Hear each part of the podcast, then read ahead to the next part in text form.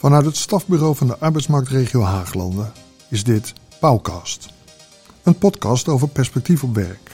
Het programma waarin werkgevers, vakbonden en onderwijs samenwerken met gemeente en UWV aan een inclusieve, goed functionerende arbeidsmarkt. In Pauwkast delen we informatie over perspectief op werk, maar praten we ook met mensen uit de praktijk over hun ervaringen, over de successen, maar ook over zaken waar we van kunnen leren. Vandaag met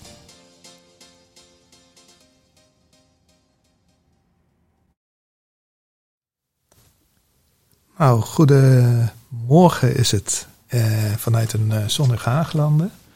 Uh, mijn naam is Jurg Bauer. Ik zal vandaag optreden als nou, gespreksleider. dat klinkt altijd een beetje gek, maar ik probeer in ieder geval het gesprek lekker op gang te houden. En deze keer gaan we ons vooral bezighouden met praktijkleren.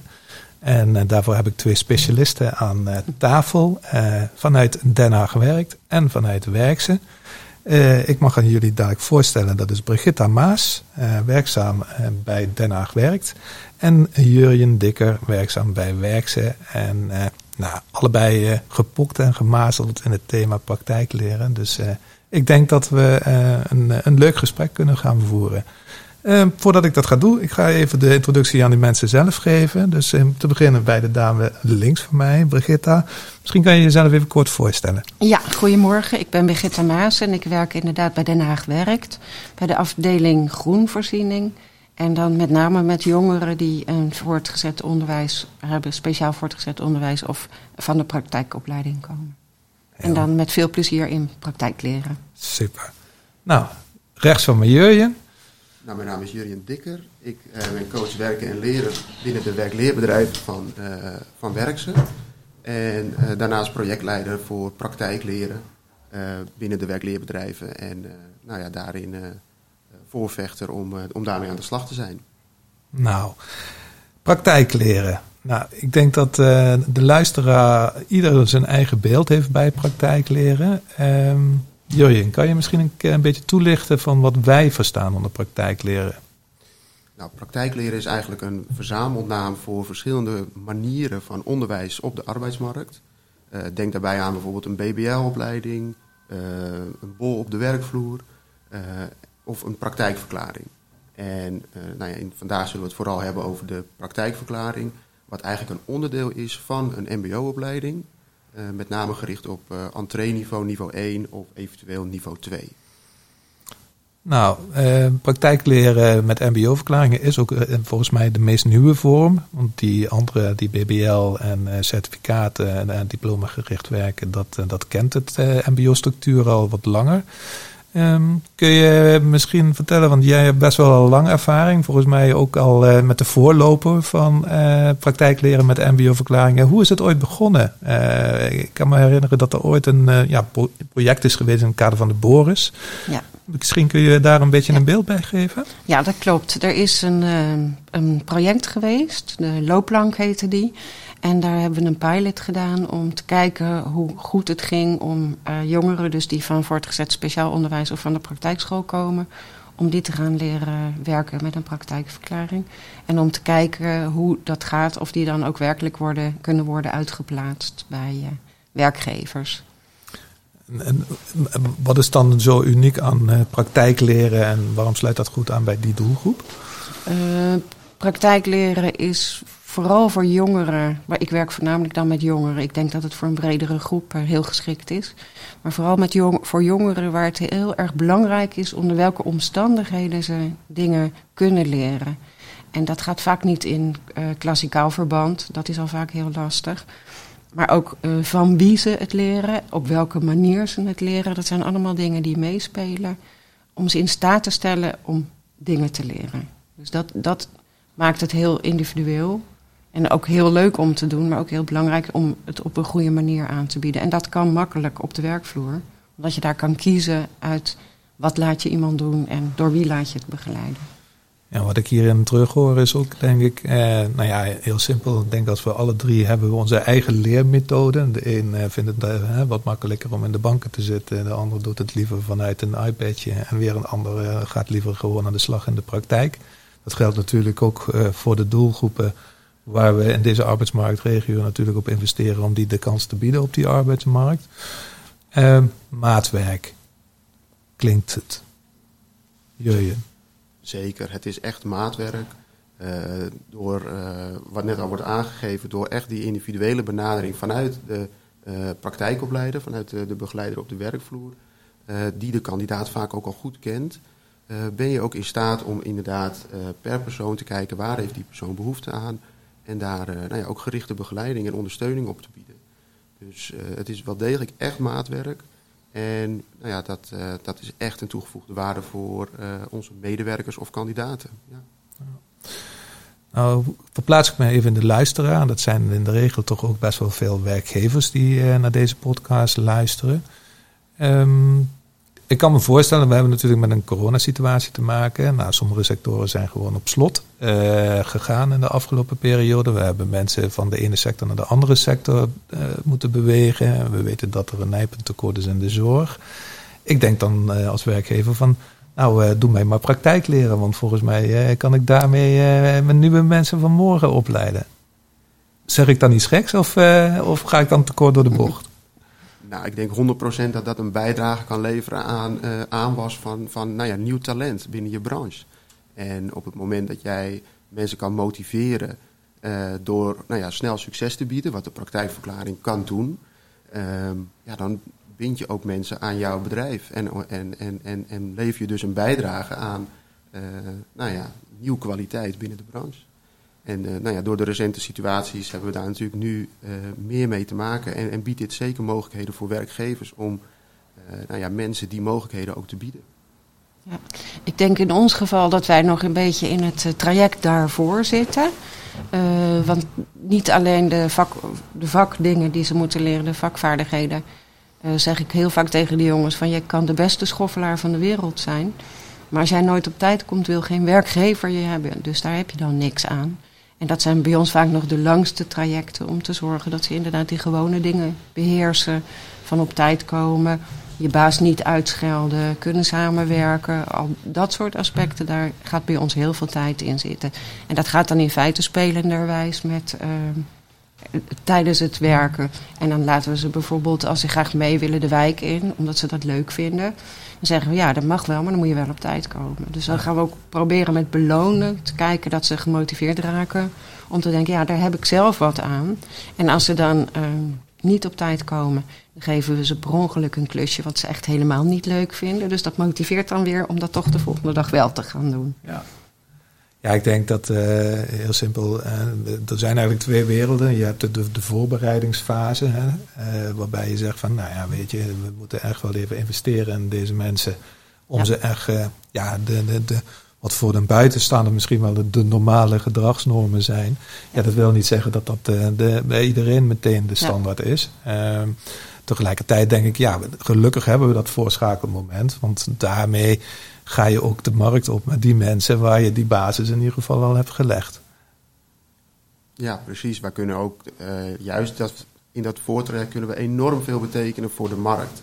En door dit soort uh, nou ja, struikelblokken die je dus inderdaad mee kan maken op de werkplek, al op te pakken en, en, en, en, en eigenlijk uh, te ontwikkelen, ja, kunnen we daarmee ook heel veel problemen voor zijn. Ja. En kunnen we dus een mooie in co-creatie met die werkgever, kunnen we samen kijken hoe kunnen we nou nou ja, de beste medewerker uh, naar die markt krijgen. Ik kan me voorstellen dat een werkgever in deze tijd, nou weet je, een werkgever, eh, wat hij altijd tekort heeft, is tijd. En ik kan me voorstellen dat, nou ja, praktijk leren, dat klinkt heel mooi, maar dat vraagt ook waarschijnlijk al een stukje tijd. Uh, Kun je daar een beeld van geven? Kun je misschien een voorbeeld geven hoe je met praktijkleren naar de markt toe bezig bent om ja, toch te zorgen dat het, uh, ja, het winstgevoel in de zin van uh, naar, naar het positieve uitvalt? Hè? Dat je het idee hebt van, hey, weet je, die investering die ik hierin doe, uh, die heeft het ook daadwerkelijk geloond. Ja, kijk, uiteindelijk zal het altijd tijd kosten. Ja. En alles wat je met elkaar wil bereiken, zal je, zal je effort op in moeten zetten. Um, ik denk dat het grootste inzicht voor een werkgever ook is dat heel veel al gebeurt op de werkvloer. En dat er dus, uh, tuurlijk zal er extra aandacht voor zijn. Um, maar uiteindelijk ben ik ervan overtuigd dat uh, het heel veel extra tijd niet per se hoeft te kosten. Ehm, en ik denk dat dat voor werkgevers ook de grootste nou ja, eye-opener kan zijn van oké, eigenlijk doen we dit al. Het, uh, we kunnen hiermee echt een waardevolle bijdrage leveren voor onze medewerkers of kandidaten. En dat, uh, nou ja, dat bij moet dragen om, om het ook te omarmen. vaak is er al iemand op de werkvloer aanwezig die praktische begeleiding biedt, die een luisterend oor is, die de motivator is voor onze medewerkers. En ja, die persoon is ook echt cruciaal om hier handen en voeten aan te geven. Ja, ik denk dat ik dat ben ik helemaal met je eens. Ook omdat is, wat ik bij ons in het begin ook merkte, is dat het heel erg iets nieuws is en ernaast staat. Terwijl als je je praatje bij de koffie of s ochtends voordat je aan het werk gaat, dan kan je dat al richten op waar ben je mee bezig. Als je dat alleen al vraagt. Wat ben je aan het oefenen, wat ben je aan het leren? Ja, dan ben je in feite al ermee bezig zonder dat het je echt extra tijd kost. En ja, je hoeft het ook niet ingewikkelder of groter te maken dan het is. Dat is vooral. Uh... Ja, dat is ook vanuit mijn ervaring uh, binnen onze werkleerbedrijven. zien we eigenlijk dat uh, het, het, het gebeurt al. Er is al aandacht ja. voor die medewerker. En wat we nu doen is we maken dat officieel. En we maken dat inzichtelijk. En we kunnen dat bekrachtigen. En dat is natuurlijk wel echt de kracht van de verklaring. Is dat we een gedeelte van die opleiding pakken. En daar ja, een, een, een, een, een, een beloning ja. van, van maken. En je geeft ook de kandidaat meer de regie over wat hij aan het leren is. En dat vind ik er ook heel leuk aan. Omdat ze bij ons soms wel ook bang zijn om weg te moeten. In de zin van, ja, dan, als ik alles kan, dan word ik gedetacheerd of dan moet ik hier weg. En door het op deze manier te doen, hebben ze zelf veel meer inzicht in hun eigen ontwikkeling. En groeien ze er ook naartoe. Dat ze het gewoon leuk gaan vinden. En denken, ja, hier ben ik eigenlijk wel klaar of hier ben ik wel uitgeleerd. En wat kan ik dan nu gaan doen als ik zo'n praktijkverklaring heb? Dus dat werkt ook aan hun kant uh, zo dat ze op den duur ook minder aandacht gaan vragen. Omdat ze zelf veel uh, ja, zelfbewuster worden en weten waar ze mee bezig zijn. En dat maakt op die manier concreet. wordt het ook een uh, efficiënter. Dus ja. kost het uiteindelijk minder tijd ja. om ja, deze medewerkers gelukkig te hebben. Ja, en, en ja, het is uh, met name de effecten op de medewerker, dat is waarvoor we dat doen. Ja. En uh, ja, de aandacht, uh, het succes wat mensen kunnen beleven, ja, dat is, dat is echt de meerwaarde. Ja. ja, maar ik kan me voorstellen dat een groot deel van de mensen die, die jullie begeleiden, ja, die hebben dat succeservaring met een diploma of iets dergelijks, ja, hebben ze waarschijnlijk nog nooit gehad. Ja, dat is ook zo. En dat zie je ook echt. Dat, dat wij, wij splitsen hem ook in tweeën op. In een basisdeel en dan de, daarna een profieldeel. En dan krijgen ze dezelfde praktijkverklaring, maar voor hun gevoel toch twee. Ja. En uh, ze helpen elkaar daar ook in. Want degene die de basis al gedaan hebben, die weten hoe het gaat. Dus die kunnen de nieuwkomers ook helpen daarin. Dus het is inderdaad de. de en dat het dan op MBO-niveau is, is voor hun ook een extra. Uh, ja, waardering. En, en daar zijn ze ook echt trots op dat ze dat uh, halen. Dat is heel leuk. We maken ook echt een feestje van de uitreiking daarvan. Ja, precies. Ja. Triggert dat ook iets bij een kandidaat? In de zin van, uh, heb je ook ervaring dat mensen dan zoiets hebben van... hé, hey, kijk mij eens even hier, ik wil nog meer. Of uh, ik word hongerig naar, nou, misschien wel nog wel een stapje verder. Ja, dat zien wij zeker. Ja. En nou ja, wat net ook al wordt aangegeven, dus de, de, de leermotivatie wordt uh, getriggerd. En uh, mensen die misschien voorheen vaak buitengesloten werden van opleidingen of zeiden van nou, uh, daar gaan we niet aan beginnen, die, die krijgen nu de mogelijkheid om iets te halen. En vanuit dat succes ja. ja zie je dat mensen gaan groeien. En, en, en draagt dat inderdaad bij aan, nou, we willen, we willen door. We willen ook naast dat basisdeel, willen we ook naar dat profieldeel. Ja. En ik denk dat dat voor een werkgever ook een meerwaarde zou kunnen zijn. Uh, dat je dus een bepaalde leercultuur kan creëren binnen je organisatie. Uh, ja, die, de, die er misschien op dit moment minder heerst. Ja, ik kan me ook voorstellen dat als je kijkt naar de huidige arbeidsmarkt, die kent toch een behoorlijke krapte in heel veel sectoren. Uh, dus het, ja, werkgevers zijn al eigenlijk nu veel meer op zoek naar ja, wat, wat iemand kan ja, als je dat dan vervolgens eigenlijk ja, al kan aantonen doordat je ja, een, briefje kan overleggen wat je voorheen niet kon overleggen, ja, dat triggert misschien wel eerder tot een gesprek dan uh, ja, dat schaap met die vijf poten die op dit moment toch niet te vinden is. Ja, nee, 100 procent. En uh, ja, wij zijn enorm overtuigd geraakt. We hebben recent vier verschillende trajecten gestart binnen het, de, de verschillende werkleerbedrijven. En ja, de resultaten zijn dusdanig dat we zeggen: hey, ehm, dit draagt zo erg bij aan, aan, aan, aan onze opgave. Ja, wij, wij willen hiermee verder. Stel nou een werkgever die zegt van joh, dat vind ik interessant. Kun je een voorbeeld geven van hoe je dat met een werkgever samen aangaat? Nou, het begint in ieder geval bij de werkzaamheden. Welke werkzaamheden worden er uitgevoerd bij jou op de werkplek? En uh, dan is het aan ons om ook de link te, te maken met de kwalificatiestructuur. Dat is een heel duur woord. Uh, maar met het MBO-onderwijs. En, en, en dan gaan we gezamenlijk bouwen. Ehm, de drempels en eigenlijk de eisen van een praktijkverklaring zijn vrij laag. Dus we kunnen eigenlijk in dat basisgedeelte kunnen we ook al aandacht besteden aan werkvolgorde of aan tijd. Of, ja, er zijn hele nou ja, simpele basisvaardigheden die we daarin al kunnen ontwikkelen, die je eigenlijk op elke werkplek nodig hebt. Dus ik zou zeggen, ga met ons in gesprek en, en, en we komen tot een, tot een heel mooi leertraject. Want zijn er bepaalde randvoorwaarden voor werkgevers waar ze aan moeten voldoen om met praktijkleer aan de slag te kunnen? Er zijn eigenlijk geen randvoorwaarden. De kandidaten dienen dan geen startkwalificatie te hebben. Uh, dus dat is wel even een check die we van tevoren moeten maken.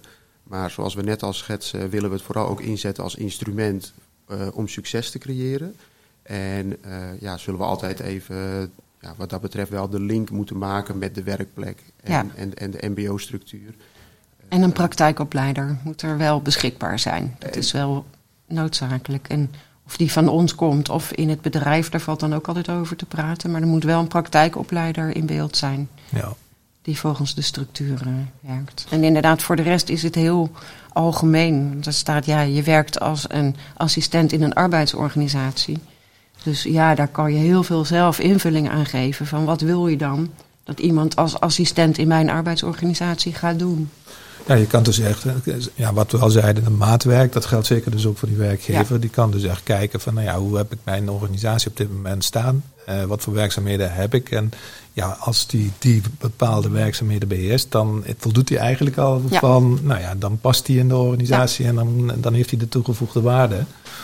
Dus uh, ja, het hoeft niet per se een heel, uh, hè, dat hoeft niet een hele baan te zijn. Het kan ook gewoon een stukje van een baan zijn waarin je dan eigenlijk de focus legt.